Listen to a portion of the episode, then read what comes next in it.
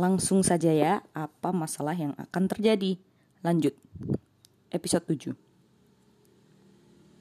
Oh, padahal segalanya begitu hebat. Apa yang mungkin terjadi? Itulah yang dipikirkan oleh Gaia sang ibu bumi.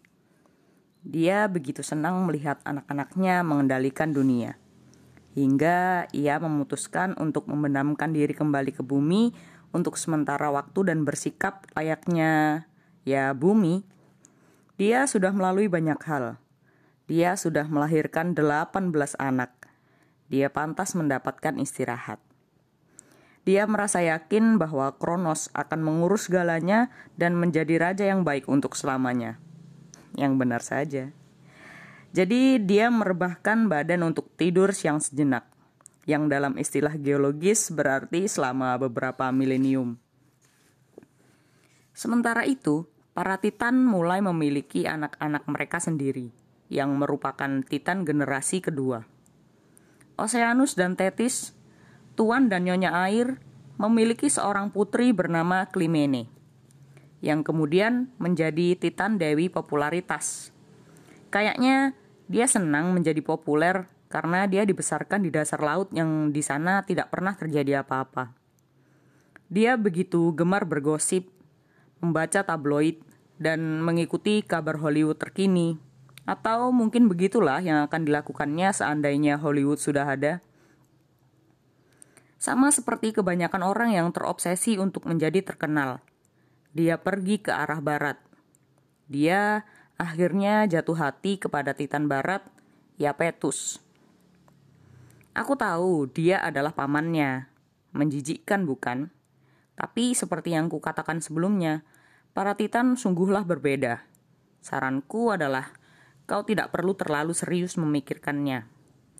Omong-omong, Yapetus dan Klimene memiliki seorang putra bernama Atlas, yang ternyata menjadi seorang petarung hebat sekaligus agak brengsek. Saat dewasa, dia menjadi tangan kanan Kronos dan penegak hukum utama. Kemudian, Iapetus dan Klimene memiliki putra bernama Prometheus yang hampir sama pintarnya dengan Kronos. Menurut sejumlah legenda, Prometheus menciptakan bentuk kehidupan minor yang mungkin sudah kau dengar, manusia. Suatu hari, dia sedang bermain-main di tepi sungai, membuat sesuatu dari tanah liat basah saat dia memahat beberapa bentuk aneh menyerupai Titan, hanya saja lebih kecil dan lebih mudah dihancurkan. Barangkali beberapa tetes darah Uranus memasuki tanah liat, atau barangkali Prometheus meniupkan kehidupan di dalam patahan itu dengan sengaja, aku tak tahu. Namun makhluk-makhluk lempung itu menjadi hidup dan menjadi dua manusia pertama. Apakah Prometheus mendapatkan medali untuk itu? Tentu tidak. Para titan memandang manusia seperti cara pandang cara kita memandang tikus tanah. Beberapa titan menganggap manusia agak lucu, meski mereka mati begitu cepat dan tampak tak ada gunanya. Para titan lain menganggap mereka sebagai hewan pengerat menjijikkan. Sebagian titan lain sama sekali tidak menghiraukan mereka. Sementara bagi manusia itu sendiri, mereka sering kali hanya meringkuk di dalam gua-gua mereka dan berlarian di sekitar, berusaha agar tidak terinjak. Para titan terus melahirkan bayi-bayi titan. Aku tak akan menyebutkan semuanya karena kalau begitu kita akan terus berada di sini selama gaya tidur siang. Tapi Koyos dan Pobi, pasangan peramal, memiliki seorang putri bernama Leto yang memutuskan dia ingin menjadi titan pelindung kaum muda. Dia adalah pengasuh anak pertama di dunia. Semua titan, ayah dan ibu sangat senang bertemu dengannya. Hyperion dan Theia, tuan dan nyonya kilau, memiliki anak kembar bernama Helios dan Selin, yang berkuasa atas matahari dan bulan. Masuk akal bukan? Tak ada yang lebih berkilau lagi daripada matahari dan bulan. Helios akan menunggangi kereta matahari melintasi langit setiap hari. Kendati dia mendapat jarak tempuh kilometer yang mengerikan. Helios menganggap dirinya tampak hot alias keren dan dia memiliki kebiasaan menjengkelkan dengan menyebut matahari sebagai magnet penggait cewek. Selin tidak terlalu mencolok. Dia mengendarai kereta perak rembulannya, melintasi langit pada malam hari, dan biasanya menghabiskan waktu dengan sendiri. Malangnya, saat sekalinya dia benar-benar jatuh hati, itu malah menjadi sebuah kisah paling menyedihkan. Tapi itu akan kuceritakan lain waktu ya. Bagaimanapun, ada satu titan yang tidak menikah ataupun memiliki anak. Yang tiada lain adalah Kronos, penguasa semesta. Dia hanya duduk di singgasananya di istana Gunung Otris dan menjadi sangat kesal melihat yang lain bersenang-senang. Ingat kutukan yang diperingatkan Uranus kepadanya bahwa suatu hari nanti anak-anak Kronos sendiri yang akan menggulingkannya?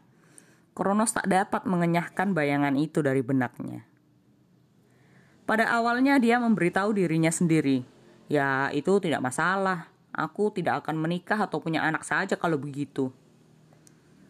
Tapi sungguh menyakitkan hidup sendiri ketika semua orang di sekitarmu menetap dan mulai berkeluarga. Kronos telah mendapat tahta secara adil dan benar.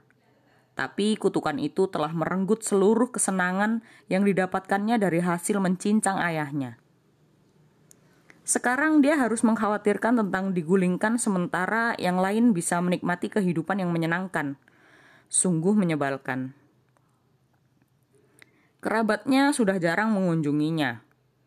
Begitu gaya kembali ke dalam bumi, mereka tak lagi singgah di istana untuk acara makan malam keluarga pada hari Minggu.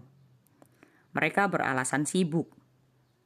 Tapi Kronos curiga kakak laki-laki dan perempuannya juga para keponakannya hanya takut terhadapan terhadapnya. Dia memang mewarisi watak ayahnya dan sikap kejinya. Sabitnya mengintimidasi. Ditambah lagi, dia memiliki kebiasaan yang agak menjengkelkan, yakni menjerit seperti ini.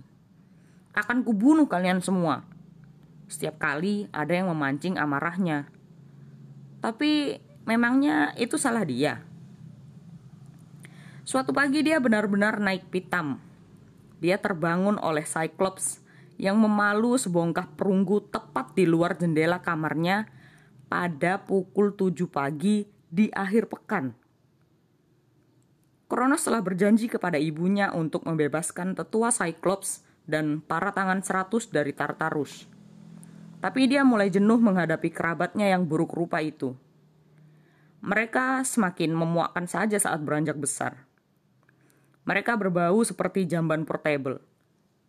Mereka memiliki tingkat higienitas diri yang nol besar, dan mereka terus-menerus membuat kegaduhan membangun sesuatu, memalu logam, dan menebas batu.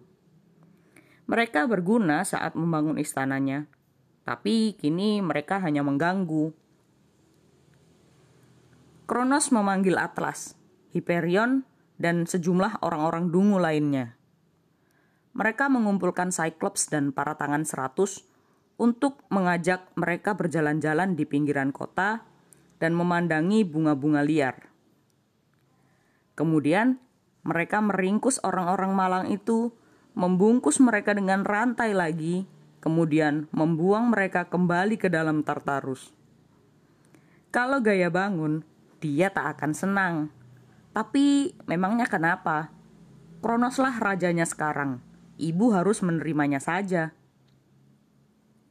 Segalanya menjadi lebih hening di istana setelahnya. Tapi Kronos masih saja murung.